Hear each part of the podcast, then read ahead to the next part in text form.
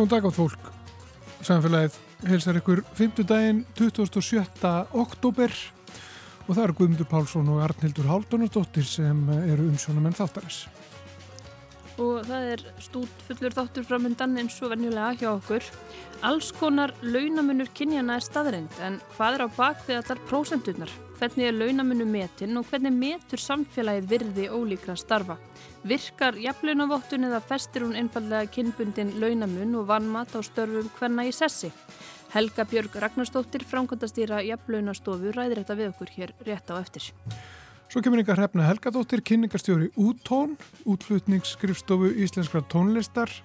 Hún ætlar að segja ykkur frá svo kallari bransaveislu sem verður haldinn í aðdraganda tónlistarháttíðarnar Æsland Airwaves sem hefst í næstu viku og hún ætlar líka að ræða ykkur um þróun tónlistarbransans og útrás íslenskar tónlistar.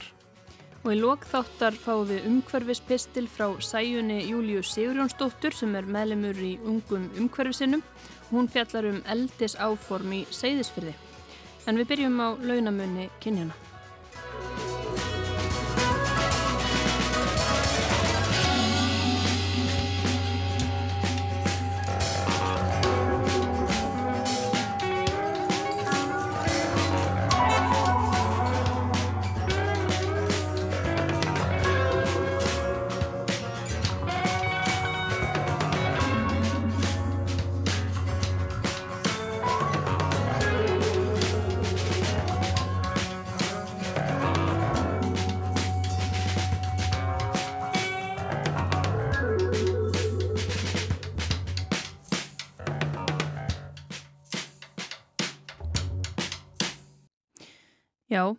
Launamunur kynjana, hann er eh, alls konar, við hefum heyrt alls konar um hann.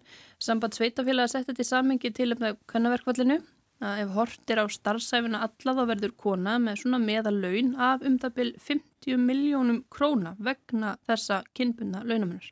Það er bara ígildi ágetis fastegnar í dag. En Helga Björg Ragnarstóttir, framkvæmtastýra Jafnlaunastofu, þú ætlar að ræða þetta við okkur. Eh, velkomin í samfélagið. Takk kærlega fyrir, takk fyrir að bjóða mér. Eh, þegar talað um launamun kynjana, það er ekkit alltaf verið að meina það sama. Það er alls konar óutskýrður, útskýrður, leiðréttur. Getur aðeins útskýrt bara hvað, hvað er þetta í raun og já, hvað er verið að tala um oftast þegar talað um launamun kynjana? Já, launamun kynjana er alltaf lýsinga á efnaðslegri stöðu kynjana og maður þarf bara að hafa það í huga og Núna í tegnsluðu kvennaverkvalli þá er mikið talað um atvinnuteknamunin sem er þá sá munin sem konur fá í mun, munar á köllum og konum í þeim launum sem það er fá að tekna til neða ánlegs að taka til í vinnutíma. Um leiðu að búið að taka til í vinnutíma þá eru við fann að tala um eftir launamun og það er svona breyta sem að mjög oft er hort á líka og kannski auðveldra fyrir fyrirtæki sem er að velta fyrir stöðin hjá sér að fókusera á það. Uh, En síðan ef þú fyrir að nota skýribreytur, til dæmis bara eins og skýribreyturna starf eða, eða atunugrein og þá fyrir að tala um leiðrættan launamun, þá ertu mögulega að útskýra launamunin með sjálfum sér, með ástæðin launamunanis. Hvernig þá? Uh, þá ertu í raunin að segja, að, með því að segja að þú stefnir að því að ná 0% leiðrættum launamun, þá ertu að segja að þú sættir þið við að uh, það sé tiltekinn munur á starfstjættum. Það er að segja að ákveðin hefbundin, hvernig störf séu mögulega larri heldur en hefbundin karlastörf, að því skýribreytan starfstjættir komin inn. Þannig að þessi leiðrétti munur er kannski ekki bengt sá munur sem mun leiðrétta þess að efnaðslu og félagslu stöðu kynjana. Þannig að þetta er kannski óheppilegt að tala um leiðréttan mun eins og þetta sé bara í lægi að meta stjættir þessum konur í meiruluta minna virði en, en kalla stjættir. Já, ég myndi segja að það var mjög óheppilegt að nota þetta hugtak, ekki spurning. En það er oftur að tala um óskýriðan löramun líka. En þessi hugtak hafa svona svolítið náða flug hér En þessi samabyrðatölur um til dæmis óleirittamunin, við horfum alltaf til þess þegar við erum að byrja okkur saman með útland, þá er þessi óleirittamunin mjög mikið tekinn. Og munurinn hérna, uh, já, þetta var tekið saman hjá hástofunni í fyrra síðast og þá var talað um að óleiðrétti launamunurinn, hann væri mestur á almanna markaðnum, 13,5%, 9% hjá ríkinu og svo 6% hjá ykkur sveitafélunum. Jafnlaunarstofan, hún er aðalega sinna sveitafélagum eða ekki? Jú. Jafnlaunarstofa er félag sem er í eigu sveitafélagana og Reykjavík borgar, sambandsins og Reykjavík borgar. Og við erum með það svona megin hlutverk að, að reynlega meta störf uh, út frá tilteklu matskerfi, 13 þáttar starfsmatskerfi uh, sem áeimitt að stuðla að launabrætti og hérna og er það það sem við sjáum þarna? Fyrst að munurinn er minnstur hjá sveitafjölunum er þetta árangur sem þið getið eignað ykkur eða? Ég tel alveg ótvírætt að það hafi ykkur áhrif, já, að, að það er búið að notast við starfsmæðskerfi frá svona, svona rétt rúmlega frá aldamótum eða tæplega frá aldamótum. Og hérna uh, og það hefur verið svona svolítið áhersla lögð á það að, að reyna að fylgja því aðeins eftir og endur skoða þeirra þarf. Um, og, og það hefur bara sínt sig að launamunur í grunnlaunu mingar með notkunnsleiks kerfis. Uh, þetta kerfin er bara til grunnlauna, ekki til viðbútalauna og, og hérna þessi, svo eining sem hefur kannski verið að sinna þessu mest eru svona starfsmatsteimi fyrst hjá sambandinu og, og hjá Reykjavíkuborg e, og síðan var þessi teimi staðsett bara alvar hjá Reykjavíkuborg og hefur núna verið sett undir jaflunastofu. Þannig að það, þetta er svona okkar rætur likja í þessari starfsmatsvinnu en jaflunastofu hefur svona þessu útvíkar hlutverk og á að vera meira svona að horfa til e, þess að þróa leiðir til að vinna ekki að glönamun kynjana bara að öllu leiti, ekki bara í grunnlönum og svona vera að, að hérna, skoða mögulega sambærileg kerfi fyrir viðbútulegna kerfi. Þannig að ég held að þetta sé algjörlega leiðin að, að við fylgjum lögunum og notum samræmt við, viðmið við launasetningu allra starfa uh, og að þau viðmið taki til, til bæði kvenlæra og karlæra þátt að í störfum. Það er algjörlega ekki latriði. Þeir eru með alls konar starfsmat en svo heyrum við líka mikið talað um jafnlauna vottun. Það er svolítið annar það ekki. Það er hátt í 600 Eh, vinnustæðir komni með jafnleina vottun og á þeim starfa yfir 100.000 og þá spyr maður sér sko, ættu við þá ekki verið að koma lengra fyrst að svona stór hluti aðtunulífsins er með jafnleina vottun? Sko, sko jafnleina vottun tekur ás að hluta. Uh, launamun kynjana má að stærstum hluta skýra með kynskiptum vinnumarkaði uh, og mörg þessa fyrirtækja eru ekki, ekki með hérna, starfsemi sem að kannski fer þvert á vinnumarkaðin. Þannig að hver og einn, hvert eitt fyrirtæki eða skiplaseild er alltaf að vinna með sinn starfsmannahóp í jaflunavottunni. Þannig að það er svona takmarkað, takmarku vikt til að vinna gegn launamun, neins að sínum kynbundna mun, uh, sem að jaflunarstaðallin gefur. Uh, jaflunarstaðallin, hann í rauninni er að, að sérst, hann á að tryggja það að það sé staði málumlega að launasetningu. Uh, ákvæmna að taka sér skjöluð og skráð og byggður réttum fórsendum og þetta sé allt saman upp á punkt og prigg, svona eins og gæðastjórnarkerfi, hann hefur minni fókus á þá þætti sem við notum til að meta störfin, hvaða þætti við byggjum launa ákvarðin þakkar á. Það eru leiðbynningar, það, það kemur fram í staðlunum ef maður rétt að, að það byggja á viðmiðum, uh, hérna, jafnlauna viðmiðum við launasetningu og þau megi ekki fela í sér mismunun, en það er ekkit mikið meira sem staðalinn segir um hvaða viðmið þetta er að vera. Á sama tíma hefur Alþjóða vinnumálastofnun gefið út leifinningar um að það verði alltaf að taka til til ákveðna þátta við launasetningu uh, og mat og virði starfa og, og þau hafa gefið út leifinningar sem að hreinlega segja okkur að hvernig við raunur komist hjá því að falla þess að grefju að horfa fram hjá hvernlega þáttum við launasetningu. Þannig að það er alls konar leiðir til uh, og það er í rauninni ekkit sérstaklega flókið að styrkja staðalinn með því að gera bara meiri kröfur til virðismatsins í staðalinu og færa sig yfir í svona kannski ykkur fagleg þróið matskerfi, svona svolítið eins og sveituflögin er að nota. Já, getur þú tekið einhver dæmi, veist, um hvað væri hægt að gera betur? Já, til dæmis þyrti að passa að þegar við erum að meta störf og við tökum til til eh, tilfengilegs álags í störfum um, að við hugum að aðgæslu, ekki bara einbeitingu, það var mjög algengt inn í gamla daga að við varum að meta störf út frá því að, að hérna, það er erfitt að einbeita sem ekki ála á hugan En það glemdist alveg álægi sem fylgir því að, að fylgjast með börnum, hafa gátt á lífsmörkum fólks til dæmis. E, til dæmis bara það að það er háfaði frá börnum eins og umferð. Það glemdist líka ofta að taka til þess að, að konur sem vunna á leikskólum unni í háfaða. Það þarf svona alveg bara að þetta þarf alltaf að setja þetta inn. Já, þannig að við höfum alltaf svo gaman að þessum börnum að við finnum ekki fyrir háfaðanum. Þannig að það þarf alveg virkilega markvist og kerfisbundi að passa að við séum að metja þess að þætti og það, það er alveg eðlilegt að fólk horfið fram hjá þeim ef það ekki, ef það hefur bara ekki þekkingur á þessu. Þannig að það þarf svolítið að styðja við þessa vinnu, það, ekki, það má ekki ætla að fyrirtæki kunni þetta bara. Já, og þessi jafnlauna staðall sem að vottunum byggir á, hann er frá 2012 og maður ímynda sér sko það kannski Það hefur MeToo er búið að gera síðan alls konar vitundavakning, uh, samtali um, um þriðjuvaktina og allt þetta. Þannig að maður spyr sér kannski hvort það sé komin tími þá á, á uppfæra eins og þú nefnir eh, þá í, til samræmis við það sem að Alþjóða vinnumálastofnun hefur gefið út. Hefur það sérst ekki verið gert? Sko það er til hjálpargögn innleggingu í eflunastar sem segja svona hvað þetta er hægt að nota til að meta. Uh, ég hef skoðað ímis svona hérna, viðmið, viðmiðasett sem fyrirtækir að nota, það er ekkert alltaf að fara eftir öllu þessu, til dæmis ekki alltaf að tala um vinnuaðstæður, með það vinna allir einhverju vinnuaðstæðum og vinnuaðstæður eru mjög stór breyta, til dæmis bara hugsa um bara til COVID. Við þurfum að taka til, til þess að það er smittætta til dæmis þess, í störfum og svona ímislegt, þannig að það, þetta er það má klárlega gera miklu, miklu betur þannig og, og það er alveg viljið til þess, það er það er hérna starfsópur eða að, aðgerahópur um launajafbritti og, og jafbritt og vinnumarkaða störfum hjá, á vegum hérna fórstisræðandisins sem er að svona, taka ykkur skrifi þess átt þannig að það verður bara mjög áhugavert að sjá það. Já, og þá er rauninni að jafna virði þessara stóru hvenna stjætta við. Já, að einlega einhvers konar mats viðmið, hvernig svo sem það verður gert en að byggja ákvarðanatökuna á viðmiðum sem taka til, eða launákvarðantökuna á viðmiðum sem taka til til bæði karlæra og kvenlæra þáttar í störfum.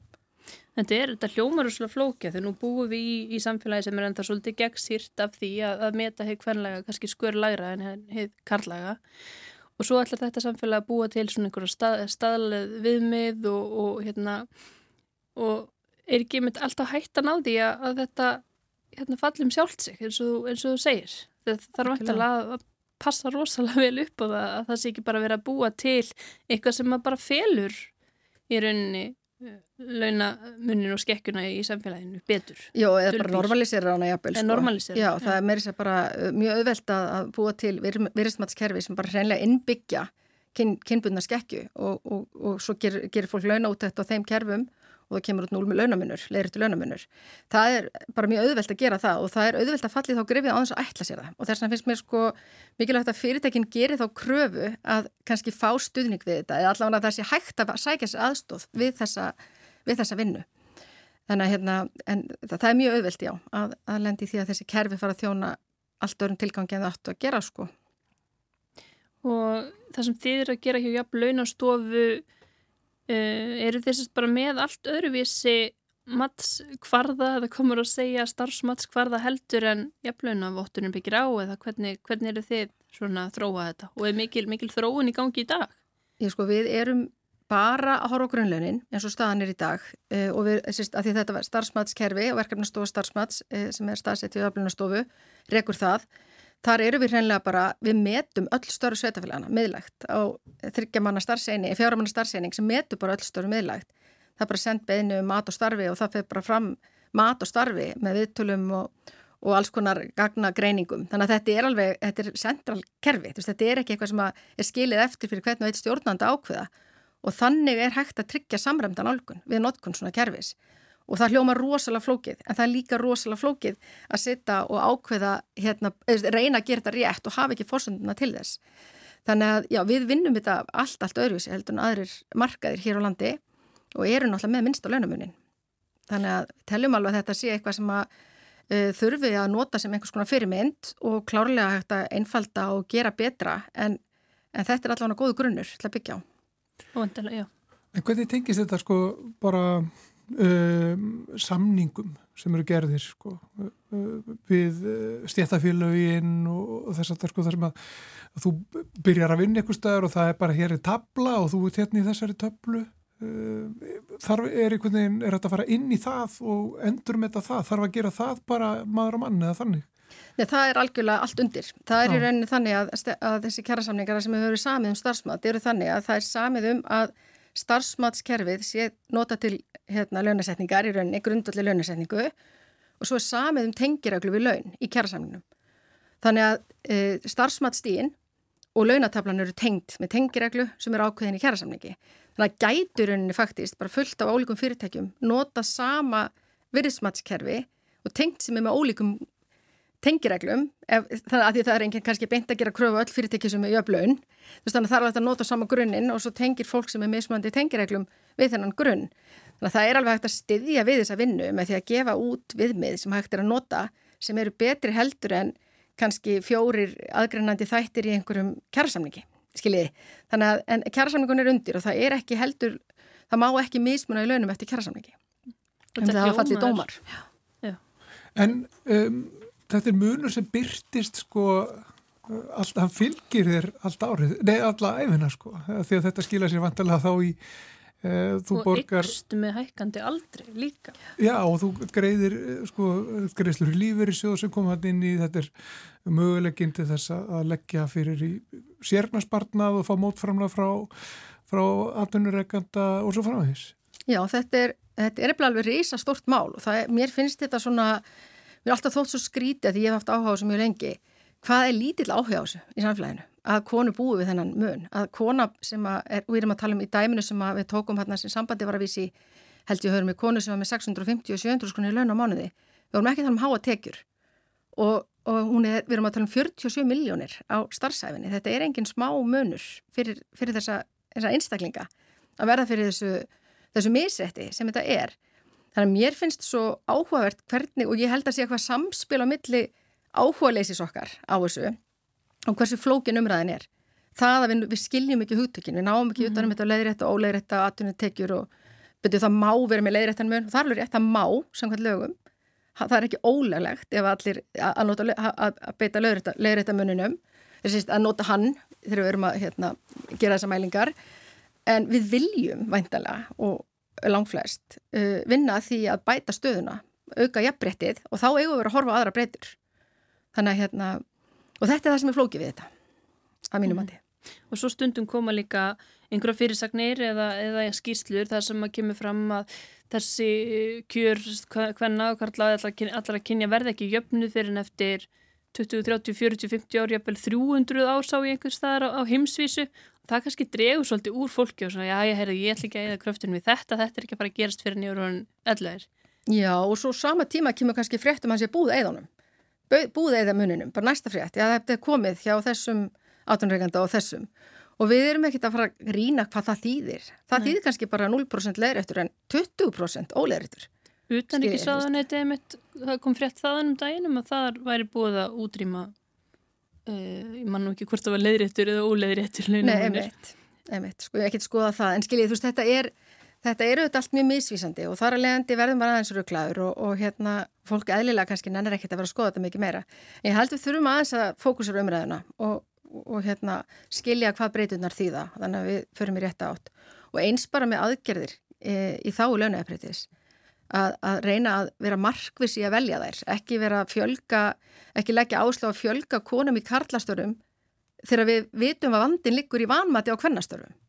Við þurfum að leiðrétta vanmað kvennastarfa. Það er mikilvægast og þetta er mikilvægt að, að það sé blöndun í öllum störfum en stóra aðgerðin til að vinna ekki að glönum um kynjana út af kynskiptu vinnumarkaði er endum þetta virði kvennastarfa.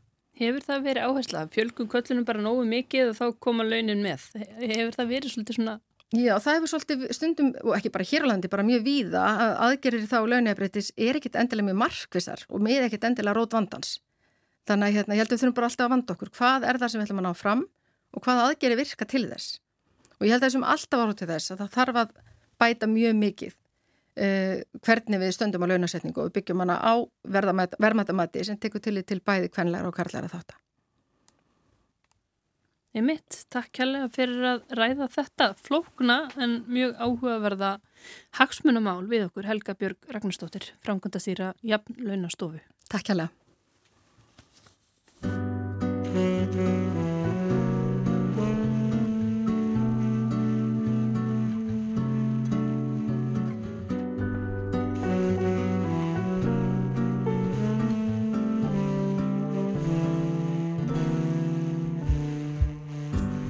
tá parecendo inverno. Anoiteceu antes do fim da tarde. O céu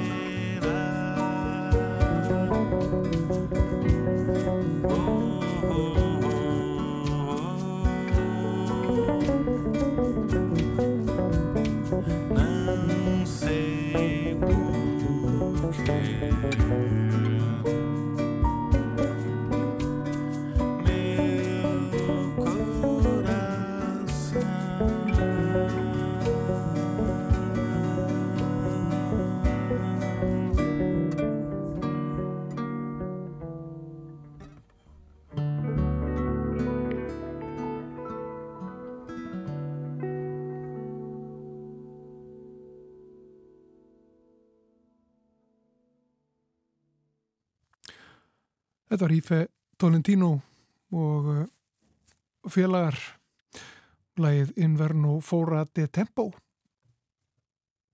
Við viljum að tala um tónlist næstu mínútunar.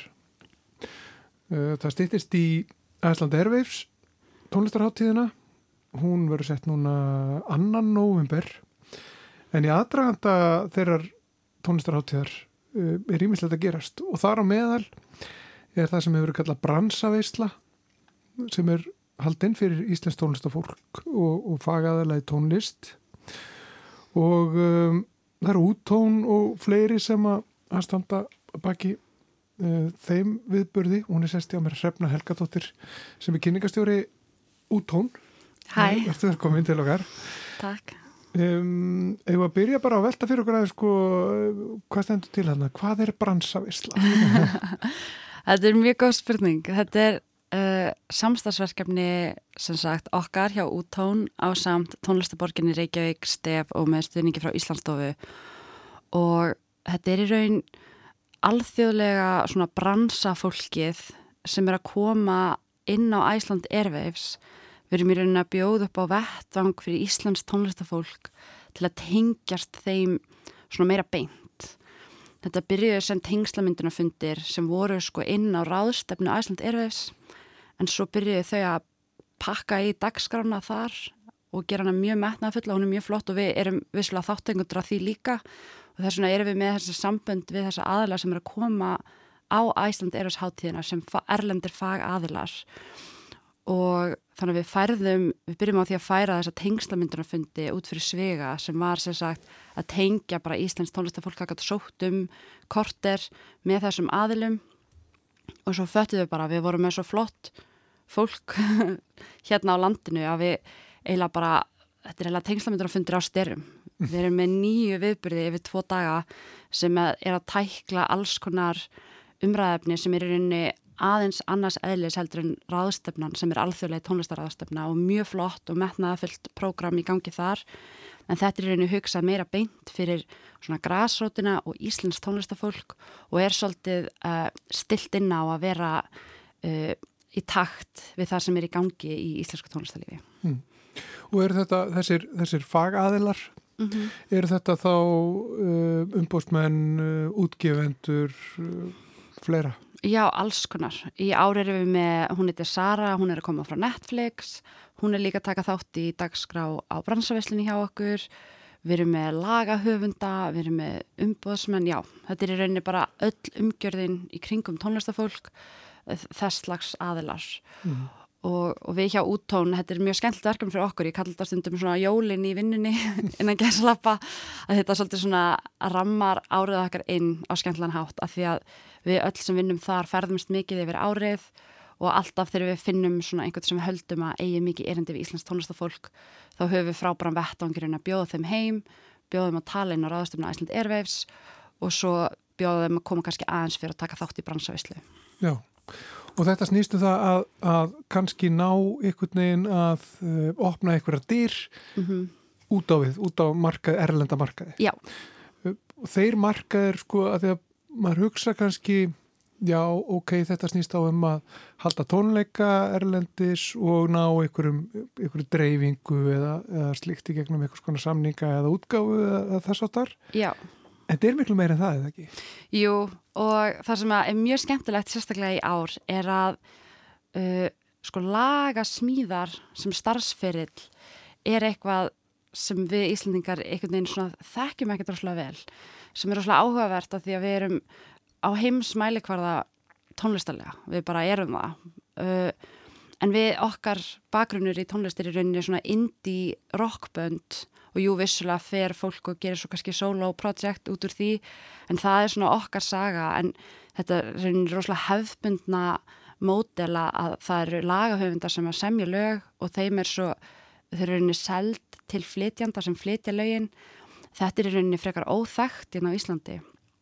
Þannig við erum rosalega stolt af því að vera samstagsadalar uh, með Æsland Sing sem er að setja upp fyrstu lagahöfundabúðir sem hafa verið haldnar í tengslu með Æsland Airwaves sem verða núna bara, ég held að byrja á sunnudagin eða mánudagin og í tilefni af þessara lagahöfundabúðar sem heita Air Songs uh, erum við að setja upp pallborsumræður með fjórum lagahöfundum, tveim erlendum sem eru að halda þessa lag, eða sem eru leiðbyrjundur í lagahöfundabúðunum og svo tveim íslenskum lagahöfundum sem hefur tekist að ná verulegum árangur á erlendri grundu. Mm.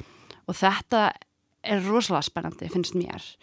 Og uh, hann heitir Michael Dixon sem er að uh, stýra umræðunum sem er mjög þekktur uh, svona umbóðsmaður lagahöfunda sem að ég held að bara ekki ein einasta manneski á Íslandi vinni það starf en hann er með lagahöfund á sínum snærum sem hafa til dæmis skrifað Wrecking Ball með Miley Cyrus og I Took a Pill in Ibiza. Þú veist við erum að tala um bara toppin í popinu alveg.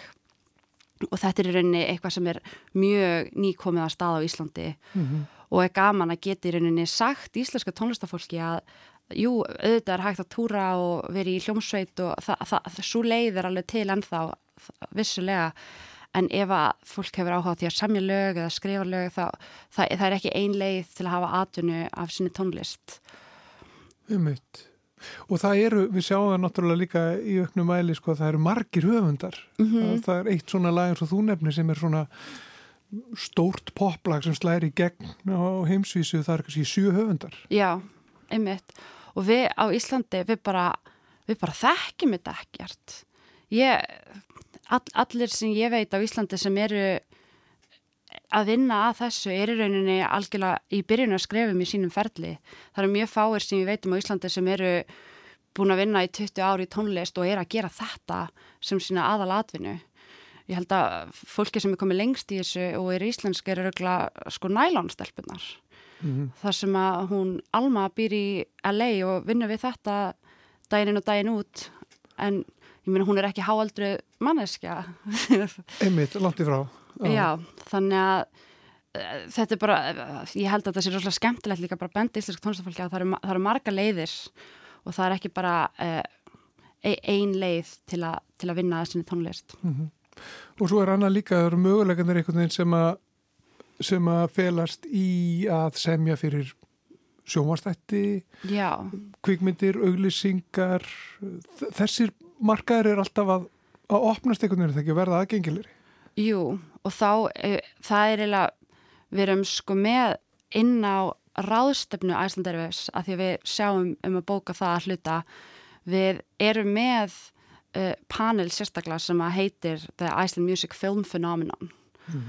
og undirtitillin er svona, eða svona óformlegur vinnitill hjá okkur var eiginlega akkur er öll indikrútun okkar farin að gera kvikmyndatónlist Uh, sem er rosalega skemmtilegt umræðefni og Herdi Stefansdóttir er þar í panel og hún, hanna, Sara frá Netflix og Inga Weisrappel sem er núna uh, að sjá um skrifstöðu Weiss Music á Íslandi sem er nýtt og, og það er einmitt það, allir þekki held í útgefundur veist, þetta er eitthvað sem við vitum hvað er en publishing fyrirtæki þetta er eitthvað sem við þekkjum ekki droslega vel á Íslandi og mér er þess að bara allur orðaforði í kringum hvað þetta er en þetta er rauninu utanumhald um höfundarétt lagahöfunda. Þetta er bara það að tala um þetta er erfitt því við eigum bara ekki góð orð þetta er ekki þjált í málinu okkar að, að eiga þetta samtal en við erum núna að fara að vera með þrjú fyrirtæki í Íslanda sem vinn í þessu sem heitir Publishing. Og það er Iceland Sync sem er að hérna, sjá um þessa lagahöfundabúðir og þær eru svona í pop heiminum og svo er Vice Music sem er hann að sem Inga er að gera sem er í panel hjá okkur. Og svo er Inni Music sem er hann um, mjög áhugavert líka sem að mikið af þessu kvikmynda tónskálda fólki það er að mála hjá þeim. Já. Og Íslindikar hafa náð mjög góðum árangur í náttúrulega í kvikmynda tónlist bara Hildur Guðnadóttir náttúrulega mm og, og fleiri. Alli Örvarsson. Já, hann er í pallborun líka. Já, einmitt. Þetta er alveg styrtlu þetta, þetta eru bara alvur nöfn í, í þessum bransa. Einmitt og það er líka bara svo gaman að tala við útlendingana og spyrja hæ langa að koma til Íslands? Af því að það segir eiginlega aldrei nei, nei nema bara það eigi pláss í dagatalinu. Þannig að við í rauninni náum að fá miklu flottar af fólk veist, heldur en kannski veist, fólki sem við fáum til landsins er alltaf svo flott. Og þess vegna líka svo geta gaman að geta búið upp á tengslamynduna fundi ég persónulega átti heimi í London áður en ég byrjaði að vinja á úttón og veist, fólki sem að kem til Íslands er svona 20 skrefum herra heldur en maður er að vinna almennt hérna á Íslandis eða, eða þegar ég var í úti þú veist að því að fólk finnst Ísland bara svo skemmtilegt og verið svo fræg fyrir tónlistin okkar og hvað þetta er skapandi og frjór jarðvegur hérna. Þannig að já, þetta er eins og ég segi, jólinn í vinninni Já, en svo er reyndar eitt sem að sem að hefur líka verið að færast í aukan og það, eru, það er tónlist í tölvuleikum sem Já. er rísastór uh, bransi. Já, það, er, það var mjög áhugavert að mynda að sjá Hildi Guðna, fyrsta verkefni sem hún gerði eftir uh, Jókerinn sem hún fekk Óskarinn fyrir var einmitt tölvuleikur við reyndum að hlusta á þetta í vinnunni en þetta er þetta er meira svona hljóðheimur heldur en kannski lag sem maður hlustar á að hefbundin hátt og það er rosalega áhugavert við ætlum að fá einn mann frá EA Games sem að gaf út tölvuleikin sem að Hildur uh, samti tónlist fyrir eftir jókurinn en því miður forfallaðist það þannig að uh, það er rosalega áhugaverður heimur líka Mm. Og hafa Íslandíka verið að, að sækja þangað, veistu það? Að- Fyrir utan einmitt hildi sem hún nefndur aðan. Þa, það er, já, það eru það eru einhverja hreyfingar þar og þá einmitt komum við aftur að þessu sem heitir publishing að sko tölvuleikja fyrirtækin tala oft beint við slík fyrirtæki og segja bara ertu með uh, lagahöfunda eða pródúsera sem að hafa áhuga á að vinna í tölvuleikjum Mm -hmm. og þá er í rauninni fólk sem er komið á einhvern vissan stað og er komin inn á mála hjá einhverju svona fyrirtæki sjá í rauninni um þau samskipti fyrir þau. Og þá þannig byrtast tækifærin og svo leiðis og, og ég veit til þess að við höfum tengt Íslands tónlistafólk við slík tækifæri uh, erlendis nú þegar. Já. þannig að það er, en það er ekki jafn stort og kvikmynda uh, heimurinn myndi ég segja að þessum tíma málsins allana En þetta því þú nefnir sko þetta sem að er kallað publishing upp á ennsku, Já, hvað getur útskipt bara hvað það er? Reynlega, er það dreifing eða er það Já, þetta er ekki, sko- ekki dæmikir umbósmenn þetta er ekki útgefendur beint Sko þetta heitir tónlistarforleggjari á íslensku en mér erst erfitt að nota það orð að því að ég sleknast í bara sjálf á eirunum þegar ég heyri það. Og ég líka skil ekki hvernig maður notar orðið. Er ég þá að tónlistarforleggja lægi mitt, hvernig er sögnin, ég veit, ég veit það ekki alveg.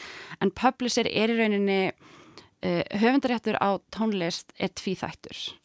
Og einfaldasta leiðin til að skilja það uh, er að uh, segjum að þú takir upp lag með þinni hljómsveit þá er verða til tvö réttindi, það verður til útgáfurétturinn sem ef þú ert með útgefenda sá útgefandi á þann rétt oft er það því að þau borguðu fyrir upptökuna og letið kannski því að fá einhvern pening til að búða lagi til og allt svo leiðis og þá eiga þau uh, útgáfuna og það er þá það sem þú sendir í útvarpið og lagið sem fólk heyrir og þú ert þá að flytja það uh, og, og það er í rauninni útgáfurétturinn og bara af þei, því, þeirri útgáfu af læginu Já, bara Þannig af þeirri já, upptöku. af upptökunni já. svo er til höfundaréttur og það er í rauninni aðeins erfið að skilgrina það en það er samt alveg hægt að fatta það og það er í rauninni sko, hugmyndin sjálf að læginu textin og melodían og útsetningin og segjum að ég ætla að flytja hérna Halo eftir Beyoncé og eins og hefur gert hér á Íslandi. Þú veist, það getur farið nummer eitt hérna á Rúf uh, Rás 1 og Rás 2 allir elska það, ótrúlega flott, ég syng það allir elska, en fólkið sem samt þetta lag Beyoncé og hennar fólk, þau fá samt hluta af þeim tekjum af því að þetta er rauninni þeirra lag, þetta er þekkt lag eða við tek bítlalag eða hvað sem er. Og það er alveg leifilegt og það bara getur oft verið mjög skemmtilegt en fólkið sem að átti uh, hugmyndina læginu, þau fá í rauninni greitt. En þeirra útgefandi fær aftur á móti ekki greitt af því þetta er ný upptaka og við erum mjög þakklátt í tónlistabransunum fyrir uh, Taylor Swift sem að svolítið svona settið þetta umræðefni upp á yfirborðið. Og sérstaklega við erum að tala við ung tónlistafólk þá eru mörg að þeim að fylgjast með hennar sögu, hún er að taka upp alla plötunar sínar aftur. Og eina ástæðan fyrir að hún getur gert það er rauninni að því að hún á höfundarétt öllum sínum lögum, að því að hún er eiginlega alltaf laga höfundur að sínu efni. Hennar aðstæð hefði verið allt öðru sig að hún hefði haft fólk til að semja lögin fyrir sig og þannig til að svara spurningunni þessi publisher er í rauninni alveg eins og útgefandi með útgáfurétt nema með höfundarétt. Og þau eru þá umsýslað þau verk sem þau eiga og þá eru þau kannski að fá nýja, nýtt tónlistafólk til að flytja klassist efni. Þau eiga oft stóra katalóga af lögum og eins og til dæmis þegar Alda Music var seld þá e, þetta er þá þessi katalógu sem við erum að tala um. Það er þá sapnið af öllum lögunum þannig að þetta er svona það sem að kallar boring admin hliðin af tónlistabransanum En enga síðu mikilvægt og, Ótrúlega mikilvægt. og mjög um, já, hvað mjög sagt, umfangsmikið. Mjög umfangsmikið og miklu peningar. Þarna eru peningarnir og ef einhver mjög ungur er að hlusta þá hvet ég tónlistamanniski þá hvet ég eindreið til að passa sig að skrá lögin sín rétt hjá stef passa það sé allt upp á tíu ef þið ert að semja lag með vinniðinum eða vinkornuðinni, passa að þið viti hver samti þetta, hver samti hitta því að það skiptir kannski ekki mál í dag en ef að lagi springur út og það komið peningar í spilið mm. þá getur komið erfileikar Þið ætlaði að ræða Ímsarliðar uh, tónlistabransans núna í bransavistlu í aðdraðanda Airwaves. Já. Og þetta er núna bara í næstu viku? Já, þetta er þriðdægin 31. oktober og miðugdægin 1. november og við tölum ekki bara um þessa hlið, við tölum um margt fleira líka mm -hmm. en þetta er alveg pökku dagskrá og það er að finna hana á vef úttón og það sumt krefst skráningar en aðri viðbyrjur eru bara opnir en allar þessar upplýsingar eru á vef úttón Ræfna Helga Dóttir, kyningastjóri úttón Takk fyrir komuna Takk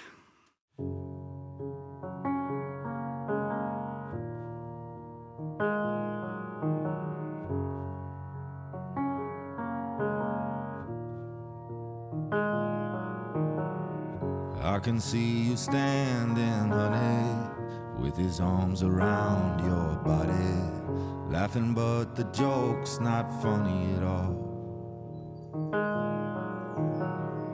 And it took you five whole minutes to pack us up and leave me with it, holding all this love out here in the hall. I think I've seen this film before and I didn't like the ending. You're not my homeland anymore. So what am I defending now? You were my town, now I'm in exile seeing you out. I think I've seen this film before.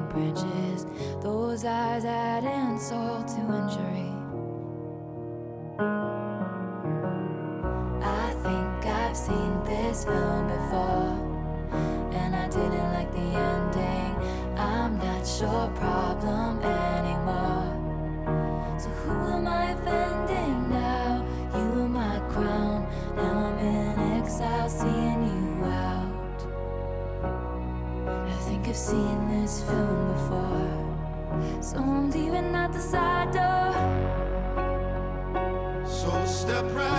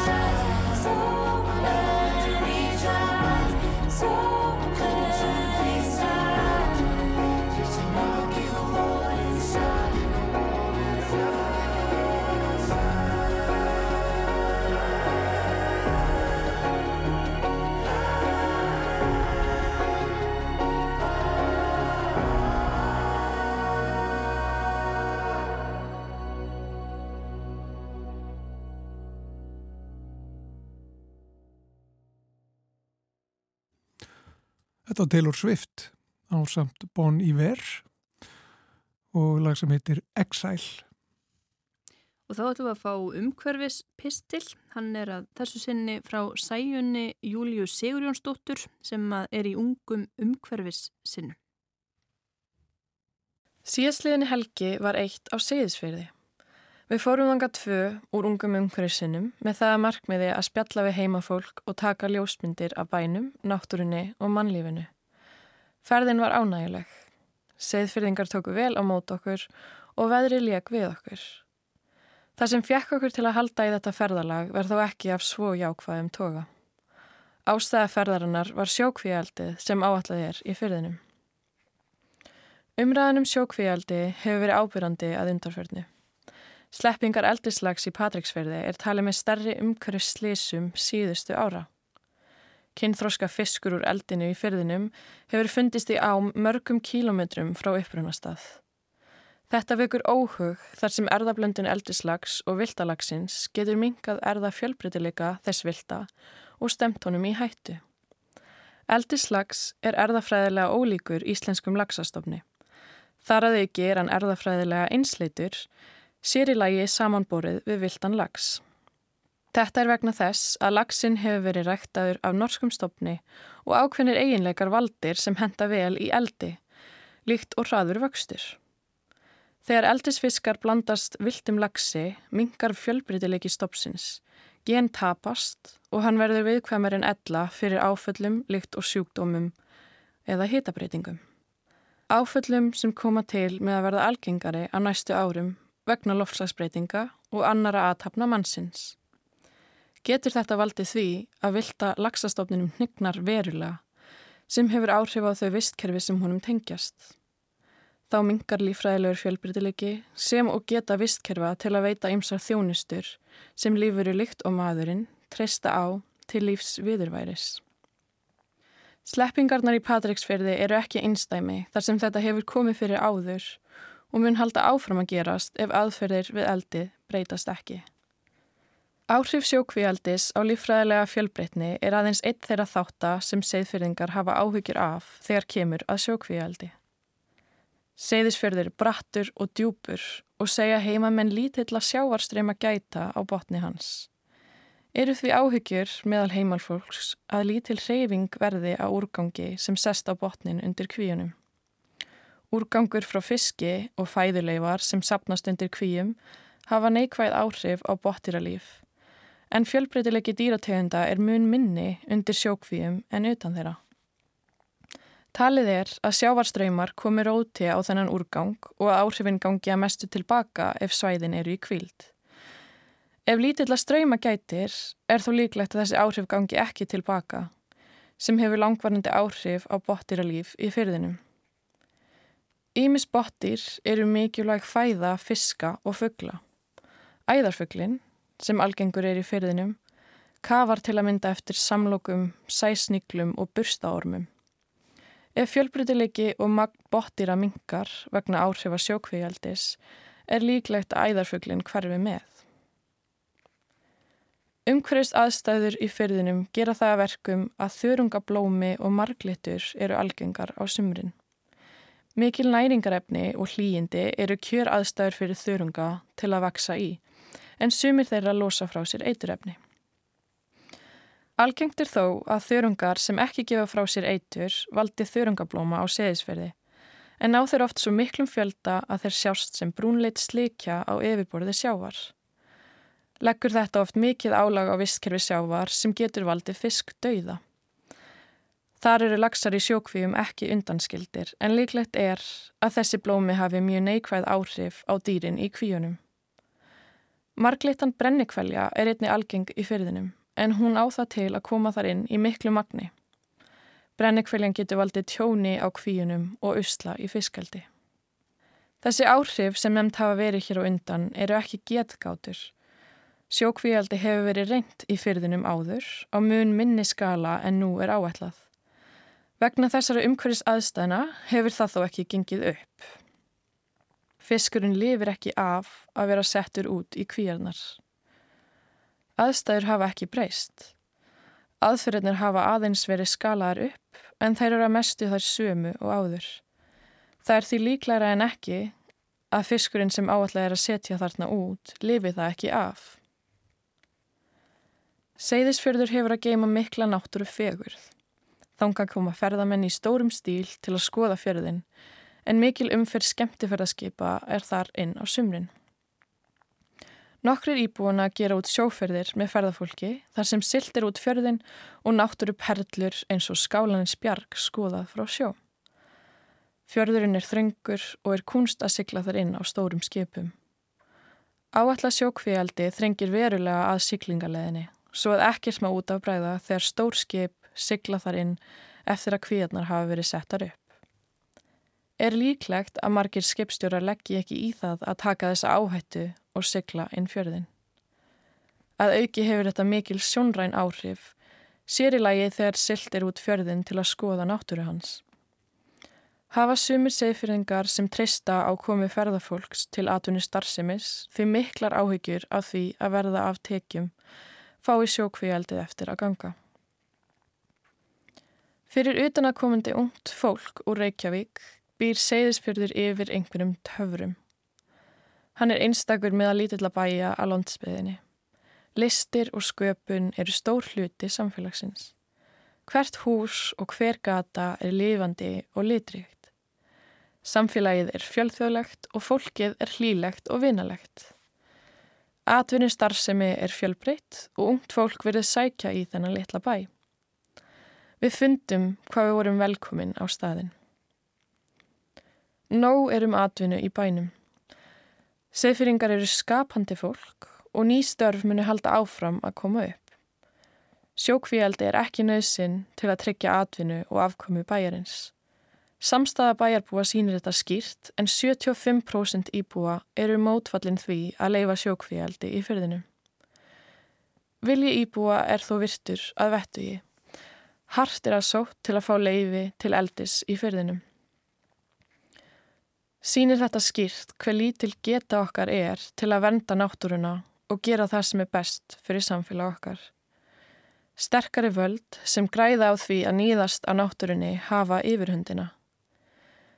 Það er komin tími á að við áttum okkur á því að vendu náttúrunar er hagsmunamál okkar allra, þar sem mannfólki treystir á vistkerfin og þjónustur þeirra til að afla matar, milda áhrif lofslagsbreytinga, veita okkur andagift og innblástur til sköpunar, ásamt því að bæta líðan okkar.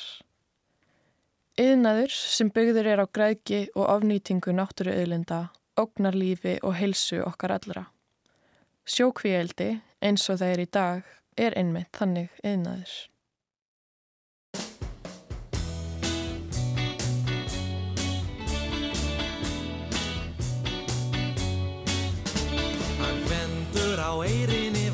Gamalt skútur karl og gulan þorskinn dró. Hann kaus heldur svítabað en hvenna far á svall í koti innan bjó. Og aldrei sá skvendur gamli eiðan nokkru fjö og aldrei fekk hann frí.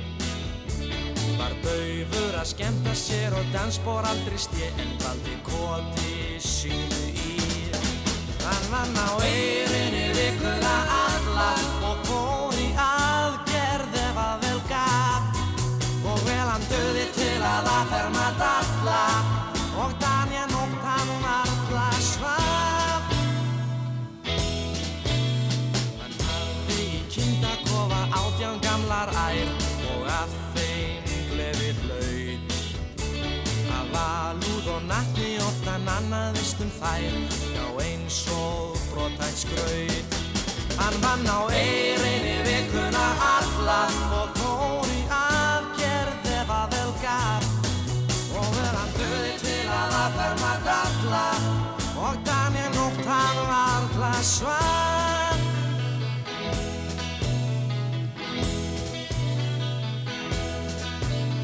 Hann gvendur á eirinni var gæða sál og hrein. Sem Gauki hafði sín Hann liggur nú örþreyttur og lúin kvílir bein og leiði hans er tín Hann vann á eirinni vikuna alla og fór í aðgerð ef að vel gaf og vel hann döði til að aðferma alla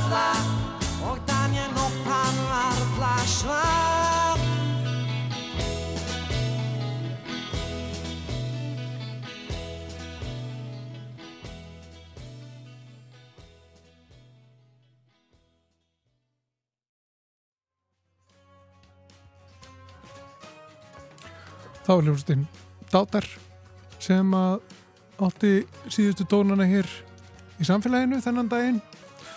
Gvendur og Eirinni lag sem kom út árið 1967 lag eftir Rúnar Gunnarsson við texta eftir Þorstein Eggertsson. En við förum að segja þetta gott hérðan úr uh, Studio 6 hérstaleiti Já, við verðum hérna aftur á förstu degi á morgun.